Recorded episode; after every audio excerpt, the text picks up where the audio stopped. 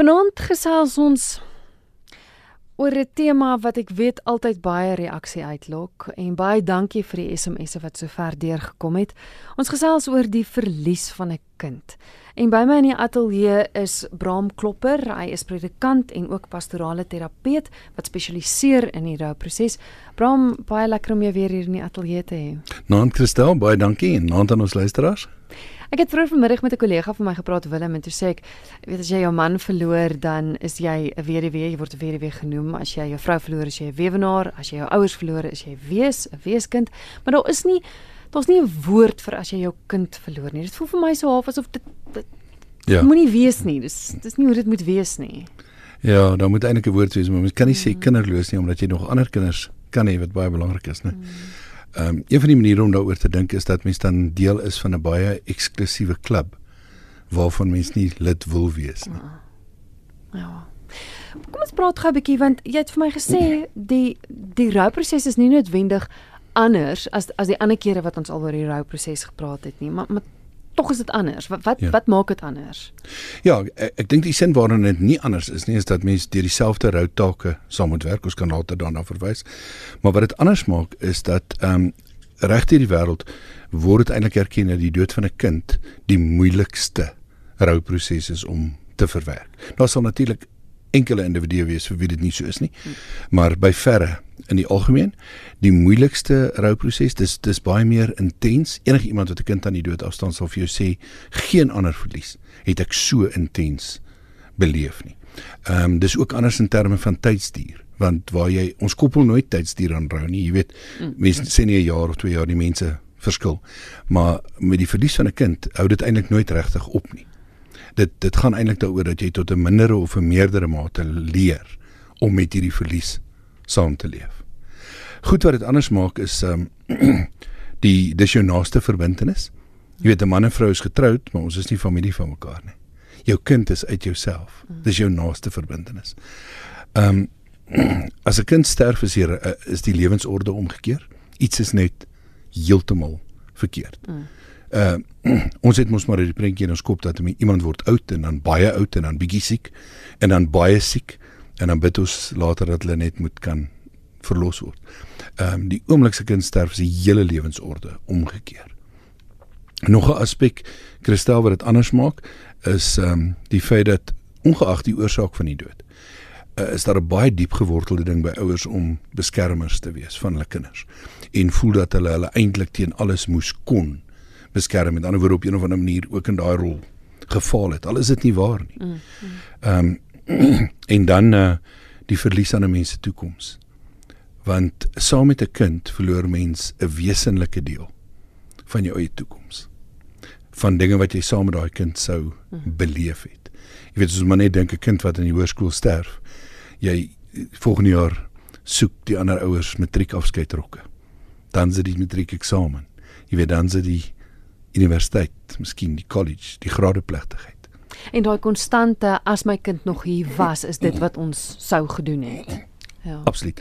Dis so die voor verlies is voortdurend deel van hulle daaglikse lewe want as die kind nou hier was sou ons hierdie fase beleef het, sou ons hierdie gedeel het, sou ons hierdie volgende moontlikheid saam meegemaak het. Dink jy dit maak ook dat dit dat dit nooit makliker word nie, is want want want jy word konstant herinner aan die verlies met elke fase waardeur ja, jy gaan. Ja, dink jy ek dink jy is heeltemal heeltemal reg.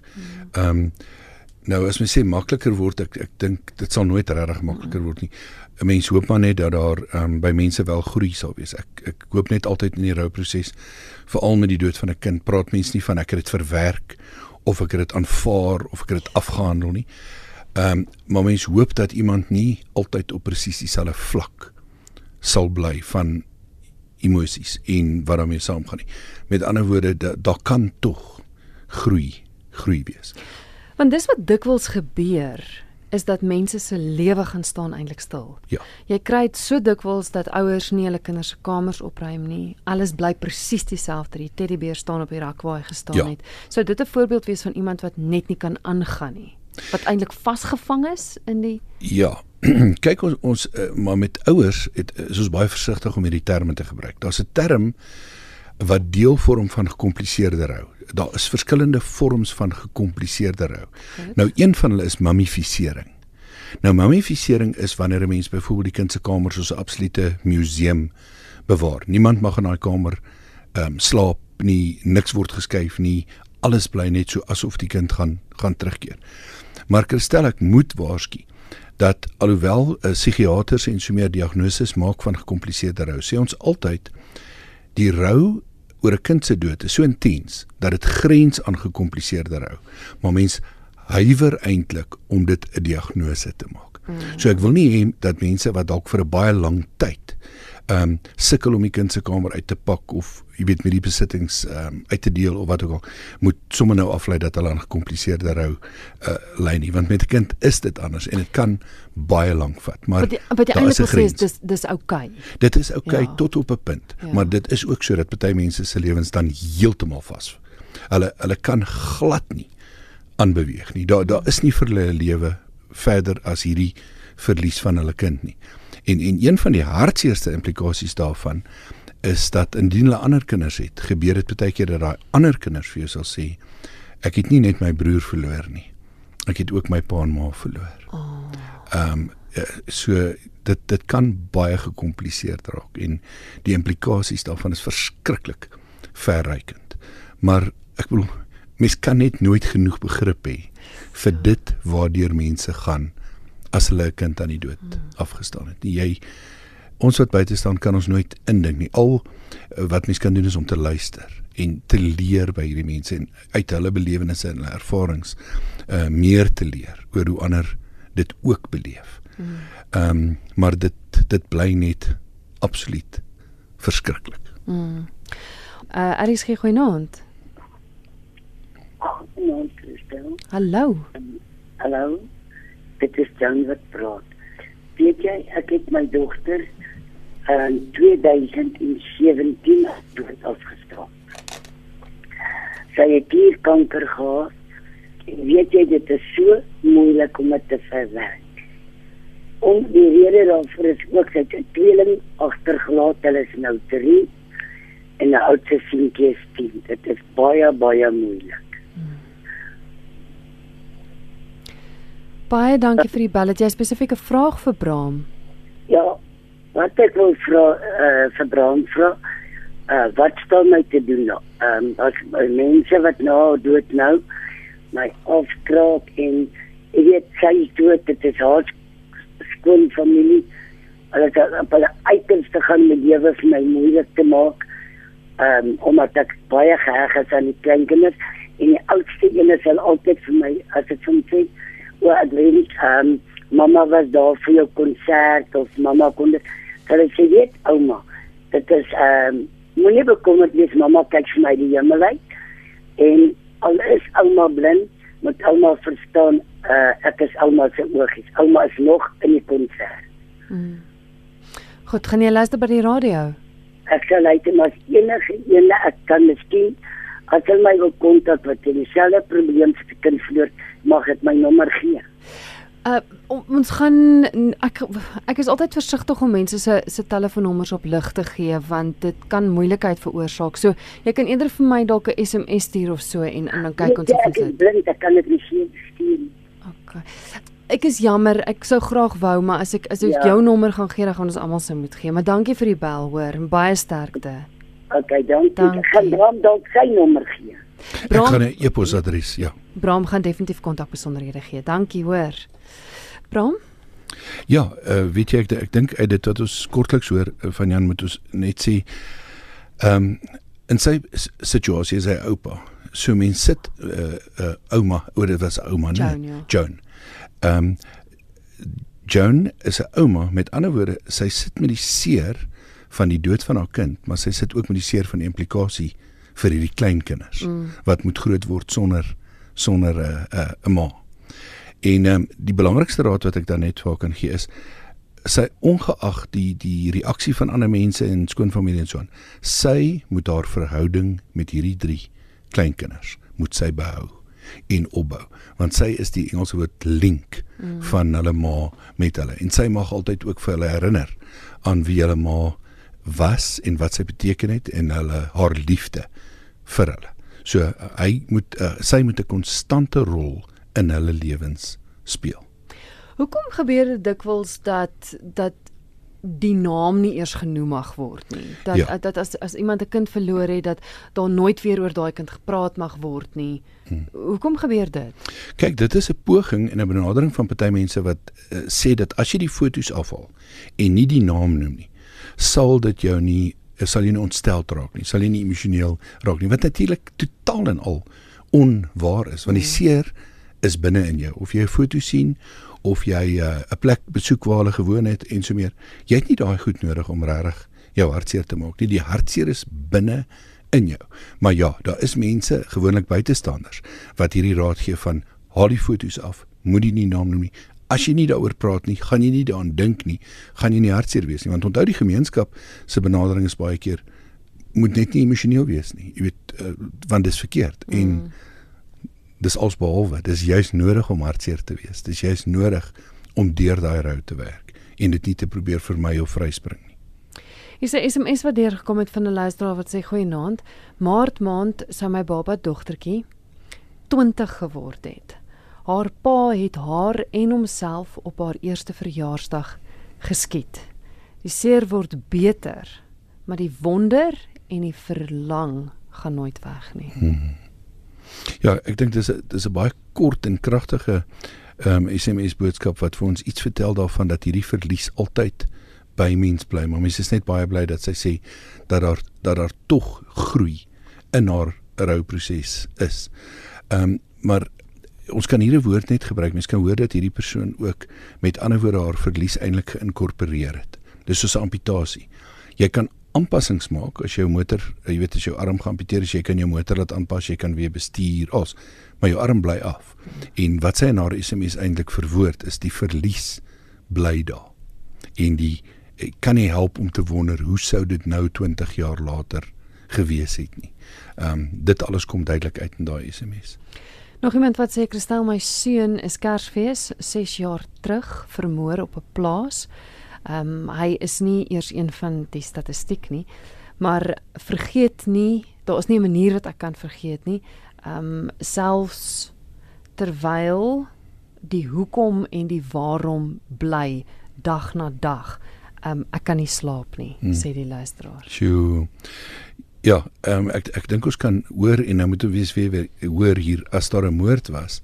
Ehm um, sit ons weer met 'n ander tipe verlies in elk geval. Nou, en nou sit nog boonop 'n kind. In haar woorde of sy woorde daar wat, wat sê dat ehm um, hy nie deel van die statistiek is nie kan mens hoor daai versigtiging met ander woorde daar word nie eintlik erkenning gegee aan wie hy was en waarvoor hy gestaan het en hoe belangrik hy was nie. En vir haar was hy mm. intens uh, belangrik en sal vir altyd belangrik wees. Ehm um, en daarom sal ek mense in so 'n situasie aanmoedig dat hulle ons gebruik 'n term daarvoor gedagtenisviering in Engels commemoration dat hulle een of ander iets oprig en daar's baie baie baie moontlikhede om erkenning te gee aan dat hierdie seun was hier. Dis wie hy was. Dis waarvoor hy gestaan het. Dit kan 'n bankie wees met 'n gedenk plaatjie op. Dit kan 'n trofee wees wat mens aan 'n aan 'n skool skenk in sy naam. Dit kan 'n beurs wees wat mens in sy naam ehm um, iets van hom laat voortleef. Mm. Want hy hoef nie deel van die amptelike statistiek te wees om erkenning te kry vir wie hy was en waarvoor hy gestaan het nie. Maar in die geval en ook in die vorige een waar waar die dogtertjie deur haar pa geskiet is, dis dis nie net 'n rouproses nie, maar dis eintlik ook 'n proses van vergifnis want iemand iemand het doelbewus my kind van my af weggevat. Ja. So dit so dis 'n baie meer komplekse proses. Ab, absoluut. En Christel hierdie, jy weet, in so 'n program uh, mense sou 'n hele program net oor vergifnis kon maak. Mm. So laat ek net enkele opmerkings maak. Een van my ehm um, goed wat vir my regtig 'n probleem is rondom vergifnis, is dat dit vir my voel dat buitestanders is geneig om vir mense waar vergifnis betrokke moet wees na die dood van 'n kind of iemand anders geweldig druk op mense plaas en uh, vreeslik oorhaastig van vergifnis praat. Ehm um, jy weet dit het nog skaars gebeur. Nou is dit 'n maand of 2 of 3 of 4 later nou word daar gesê jy moet net vergewe. En dan eintlik met die illusie van die oomblik as jy vergewe, dan is alles reg. En dit is net nie waar nie. Ehm um, so ek het eh, 'n uh, benadering dat ehm um, vergifnis is iets wat moet ryp word. En dit kan baie lank wees.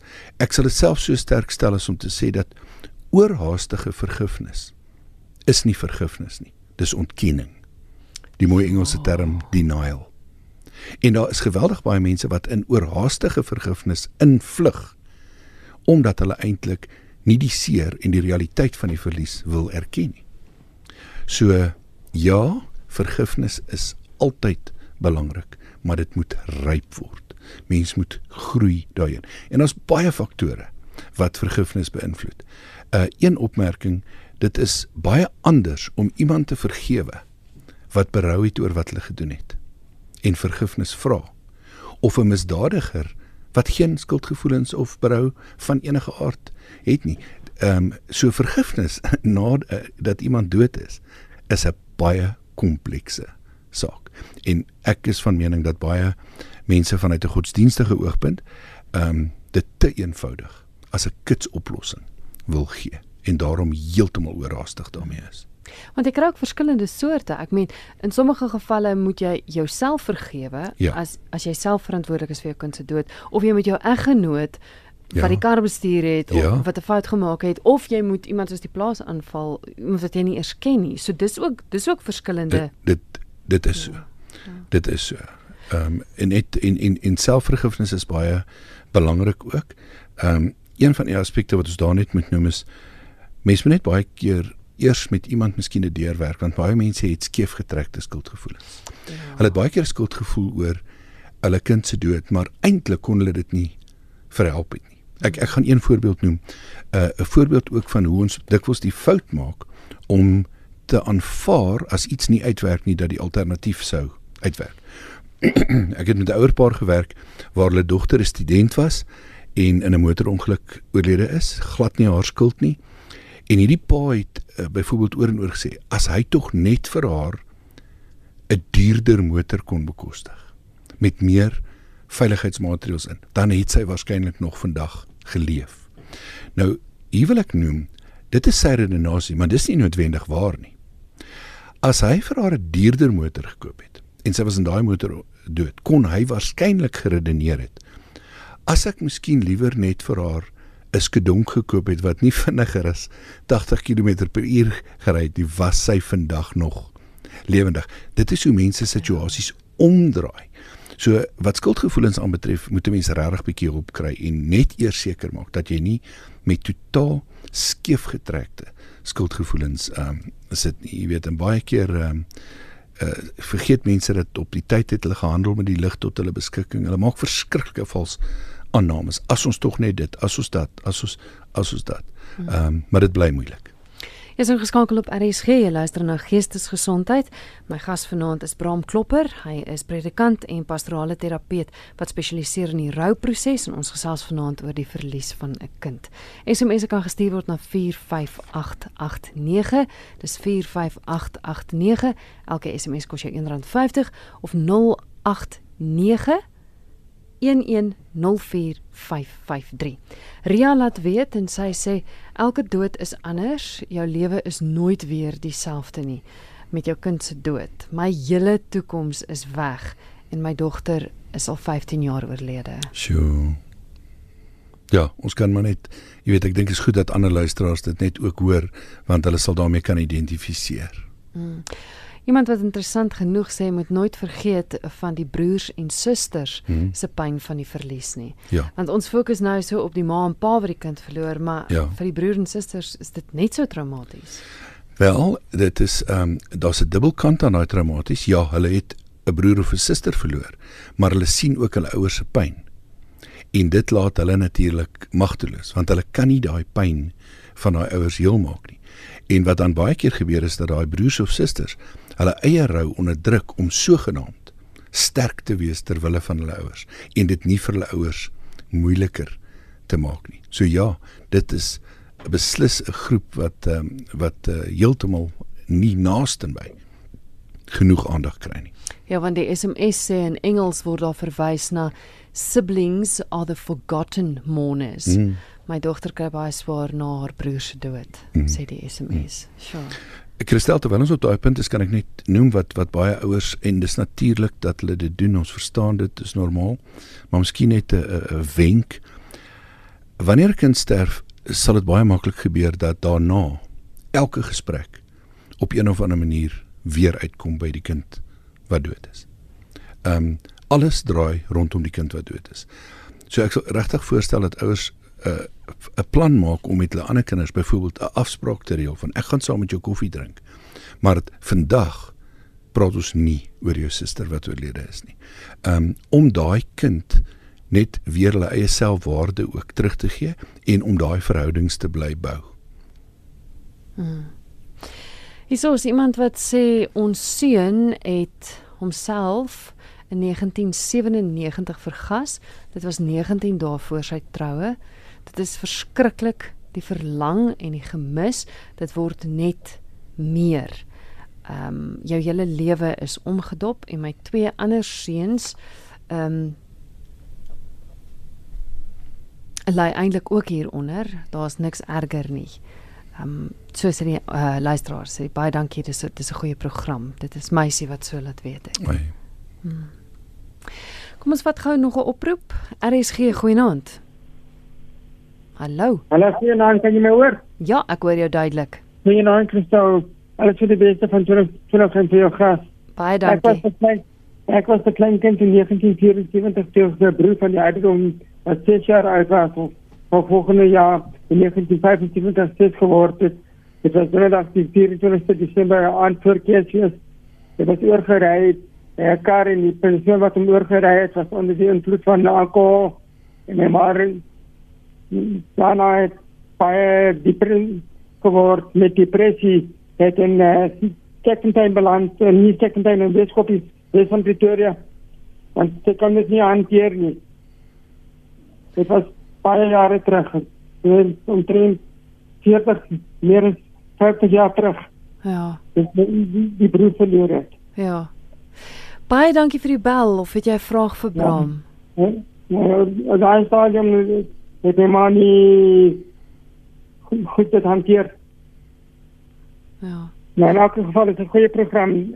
Dankie vir die program en alles vir die beste. Baie dankie en dankie vir die bel, hoor. Okay, talk to you. Tot ziens. In jou gas. Baie dankie. dankie. Ja, sies tog ons kan net hoor hoe ver gaan dit terug, né? Nee, hy sê meer as 50 jaar en duidelik bly dit 'n wesenlike deel van sy lewe en van sy persepsies. En ehm um, die on, die ongelooflike effek wat dit toe nou op die ma gehad het wat wat uh, nie dit kon hanteer nie, miskien nie goeie hulp gekry het mm. daai tyd nie. Ehm um, dit bly intens hartseer. Altyd het 'n SMS gestuur wat sê Christel, my dogter is nou 26 jaar oorlede na 'n motorongeluk haar eerste dag op universiteit. Elke dag bly dit jou by. My behoud is om oor haar te praat. Mm. Wonderlik. Ehm um, en dit is belangrik. So daarmee gee sy erkenning aan haar. Uh, sy sê sy was hier. Sy was belangrik en sy sê sy sal altyd deel wees van my lewe al is sy nie fisies hier nie. Ehm um, wonderlik. En uh, so bly dit werk vir haar. Ongelukkig uh werk dit nie altyd so goed vir die mans nie. Vrouens het nou al twee goed geleer. Ek dink is maar deur evolusie seker uh Christel dat uh, daar's twee goed wat werk. Een is om te praat en een is om te huil. Ons mans is uh, nou nog nie altyd daar nie. so ek hoop die mans wat vanaand luister het altyd se boodskap gehoor. RSG goeienaand. Christel, goeienaand. Dis uh, Kobus Nagelkuil se vuur. Hallo Kobus. Ja, Bram, goeienaand ook. Die liewe vader het ons as familie daarom behoed en bewaar dat ons nog gedeur so trauma gaan nie, maar uh dit is my laat trigger hoekom ek bel. Uh donderdag middag in Kuil se vuur. Uh gaan ons afskeid neem van 'n 10-jarige kind wat uh, van laerskool mikro wat uh, kanker gehad het. En uh, ons ek is nogal redelik baie nou verbind met die oupa in terme van hy was skoolhoof gewees en ek was voorsitter van die skool se beheerliggaam. Maar wat my getrigger het om te bel jy weet in so 'n situasie uh mense respekteer hulle privaatheid wat hulle ook gevra het en versoek het ook. Maar wat sê jy wanneer jy nou met daai mense kontak maak? Wat wat wat sê jy? Want jy weet jy kan mens maar vasdruk, jy kan vir hom sê uh, op in 'n paar woorde, maar wat moet 'n mens eintlik dink, doen en sê in so 'n situasie? Hmm. Ja. Ek luister graag op die radio oor. Baie goeie vraag, baie dankie hoor. Sterkte daar vir julle.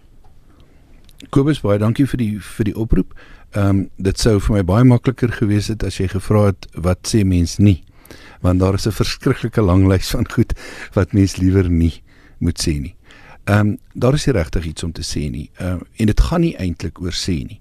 Dit gaan oor omgee. Omgee kan baie keer uitgedruk word net deur 'n baie stywe handdruk of ehm um, net 'n kyk in die oë, ehm uh, net 'n daar wees. Ehm um, net sê ons dink aan julle of ons bid vir julle.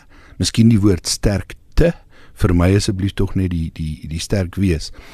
Maar eintlik Kobus is daar iets wat agter die vraag lê van wat sê mense? En dit is as ons vra wat moet mense sê, het ons gewoonlik die die die motief dat ek moet iets kan sê wat dit ligter kan maak of beter kan maak. En 'n mens moet jou vrymaak om te weet dat niks wat jy sê sal dit beter of ligter maak nie. Ehm um, dit gaan eintlik meer daaroor om regtig mee te voel, om te erken dat hierdie 'n verskriklike verlies is, dat daar geen trooswoorde is wat hierdie situasie kan verander nie en ehm um, dat mens erkenning gee aan daai mense se swaar en en seer. En ehm um, ja, mense se privaatheid is belangrik, dit het jy ook genoem, maar uh mense het gewoonlik in in in regtig die meerderheid gevalle selfs introverte 'n baie sterk behoefte dat mense net na hulle sal luister. So eerder daai vraag van wat om te sê is wees net daar as hulle dalk wil gesels, as hulle net wil vertel wie was hierdie kind en hoe spesiaal was hierdie kind of dalk iets wil vertel van die omstandighede waaronder die kind ehm um, dood is. Uh, en so om te luister is baie baie belangriker as om iets sinvol te probeer sê en ek ek kan regtig sê met al die jare se werk met ouers niks wat mense sê ehm um, gaan regtig in en maak 'n wesenlike verskil nie. Dis meer die die die absolute betuiging van omgee. Mm. Is 'n luisteraar wat sê wat vir my so moeilik is om tot rus te kom is die uh, na die dood van my dogter is my absolute haat vir my ex. Dit lyk vir my dat die persoon, sy vrou, sy eksvrou het sy dogter van hom weggehou en hy het nie regtig kans gehad. Hy kon haar net 3 keer gesien het sure. voordat sy oorlede is. So so daai haat saam met die absolute verlies want hy ja. sê hy is 'n verlangende pappa. Ja. Ja, jy weet Christiane, weer wat 'n oplossing is daar? Daar daar's nie 'n maklike antwoord nie want dit wat verkeerd geloop het kan nie reggemaak word nie. Die feit dat hy haar vir so lank nie gesien het nie of so min gesien het, ehm um, is nou daar's dit dit kan nou nie verander word nie. Maar ek sal in sy geval net aanraai dat ehm um, hierdie hierdie haat gaan hom uiteindelik verteer en dat dit iets is wat mens miskien maar met 'n professionele persoon moet gaan gaan deurwerk om te kan te kan groei. Mm. Want ehm um, dit kan so oorheersend wees dat hy ook nie behoorlik by die rou kan uitkom nie mm. en dat hy nie kan groei en nie kan vorder in sy rou nie want elke keer as hy aan die rou wil aandag gee, dan verskuif die fokus weer na die na die haat toe wat hy wat hy wat hy so uitdruk. Ehm um, maar dit ons kan ons hoor dit is verskriklik intens moeilik. Ehm um, ja, mense se omstandighede so naas die dood is hier die omstandighede rondom die dood is so kompleks. Mm. Ja. Is 'n luisteraar wat sê ek sal nooit 'n predikant se woorde vergeet op sy 16-jarige dogter se begrafnis nie. Hy het gesê ehm um, ek moes jou getrou het. Ek moes jou nie begrawe mm -hmm. het nie. Ja. So seer. Die luisteraar sê Elende Kok se boek as dood lewe word help baie ouers um, kosbare inhoud, groete. En dan ook 'n luisteraar wat sê om te vergewe is nie die probleem nie, om te vergeet is die probleem.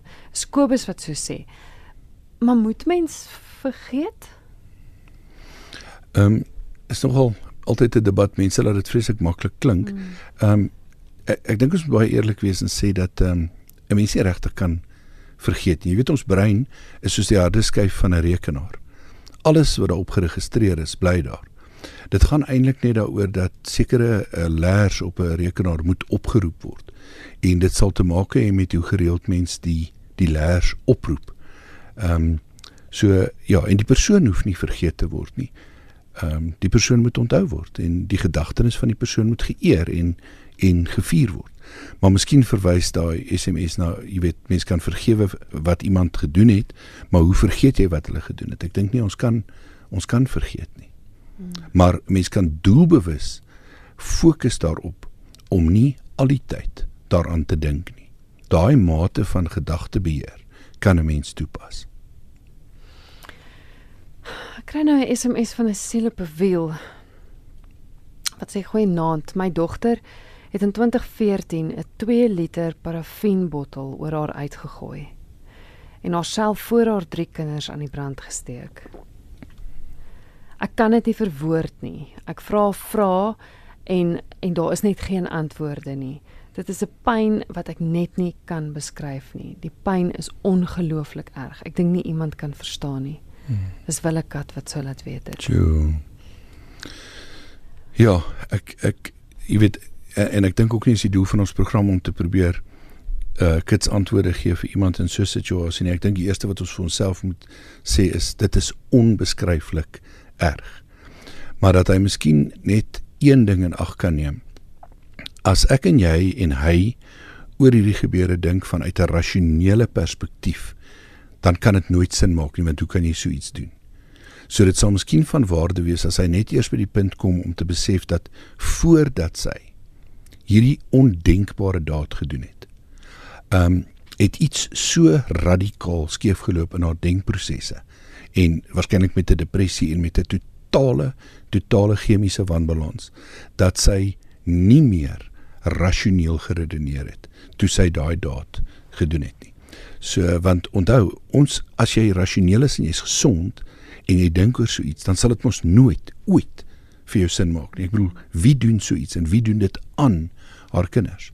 Ehm um, maar om daai begrip te hê dat sy op 'n plek was waar sy nie meer normaal nugter rasioneel ehm um, gedink het nie en dat hierdie 'n totale desperate uiting was van van die posisie waarin sy haarself bevind het.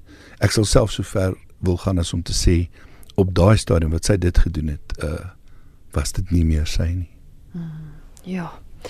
Is is 'n mens wat sê my dogter, my kind is gebore. Ek is nie seker of dit 'n seentjie of 'n dogtertjie was nie. In 91 1991 wat is 'n dogtertjie en sy is dood in 1993. Tot vandag toe sê my vrou dat dit my skuld is, maar dit was nie. Wat maak ek nou? Sjoe.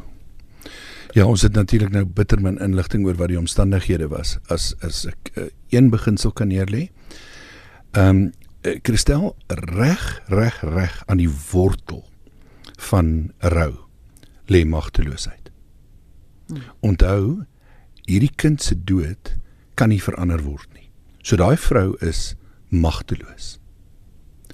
En magteloosheid vloei verskriklik maklik oor in woede of beskuldigings. En enige iemand wat in die pad kom, uh, kan dan blameer word of verkwalik word of verantwoordelik gehou word wat nie noodwendig rasioneel waar is nie, maar wat 'n desperate poging van haar kant is dat iemand moet die skuld kry. Maar as ek sê ons weet nou nie wat die omstandighede was nie. Maar as hy mos nou weet dat dit nie sy skuld was nie, dan dan moet daai realiteit ehm um, moet sy oorheersende realiteit wees en nie sy vrou se aanklagte nie. Hmm.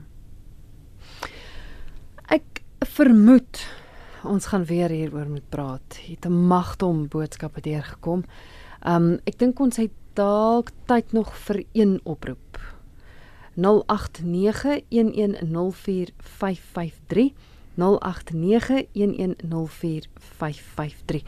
Brom, miskien dalk ek sien daar's nie iemand wat nou wil skakel nie. Miskien dalk so ter afsluiting net. Ja. Ek kan myself dit nie indink nie. Laaste woord van van raad aan ouers? Goed. Ehm um, twee opmerkings. Die eerste is moenie dat enige iemand se opmerking jou verlies aan jou kind ehm um, verklein nie. Moenie dat enige iemand vir jou ooit sê dit kon op enige manier erger gewees het. Jy het nog ander kinders nie. Hmm. Moenie dat enige iemand 'n uh, karikatuur van God teken wat hierdie verskriklike goed veroorsaak nie. En en dan mans en vrouens ons het nie vanaand daarby uitgekom nie, maar hou daarmee rekening dat mans en vrouens gewoonlik drasties verskillend rou. Mans in die al, grove veralgemening baie meer rasioneel rou, vrouens baie meer ehm um, emosioneel rou. Nie irrasioneel nie, maar emosioneel. En ehm um, dat hulle by mekaar verkeerde patrone in stand kan hou. Baie keer sal 'n man so sterk probeer wees ter wille van sy vrou mm. dat sy die indruk kry hy rou nie. En ehm um, sy het nodig om te weet hy het ook seer en hy rou op sy eie manier. Ek weet dit 'n paar boodskappe deur gekom ook van stilgeboortes, miskrame, maar ek weet ek en jy het gesê ons gaan op 'n later stadium ja. daaroor praat want dis eintlik ook 'n tema op sy op sy Dit is definitief 'n tema op, ja. op sigself. Miskrame, stilgeboortes en dan ander swangerskapsverliese soos aborsies hmm. ook. Bram, hoe kan luisteraars by jou uitkom? Ek dink die maklikste gaan wees om net te bly by die e-pos e-posadres. Ehm um, dit is info by of info in ons at kleinlettertjies bramklopper.co.za. Ehm um, dit is die maklikste om net so bietjie geduldig wees want ek's nog voltyds in die gemeente ook, maar ek gee graag aandag daaraan. En ek dink ons moet 'n volgende keer dalk weer hieroor gesels. Soos ek sê, ek meen die telefoonlyne is nou weer eh, daar's regtig daar's 'n behoefte daaraan. Ja. ja. En Christel dan as hulle met die e-posse kontak, daar is 'n paar hulpmiddels, daar is ook 'n boek, daar's een of twee CD's vir spesifieke CD gesprekke oor rou na die dood van 'n kind wat 'n terapeutiese serie is vir mense wat nie by 'n beraader kan of wil ehm um, uitkom nie.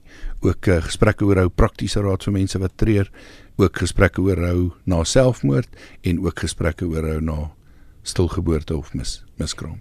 En hierdie hulpmiddels is beskikbaar. Info by braamklopper.co.za. Dis hy. Baie dankie. Dankie vir jou, Christel.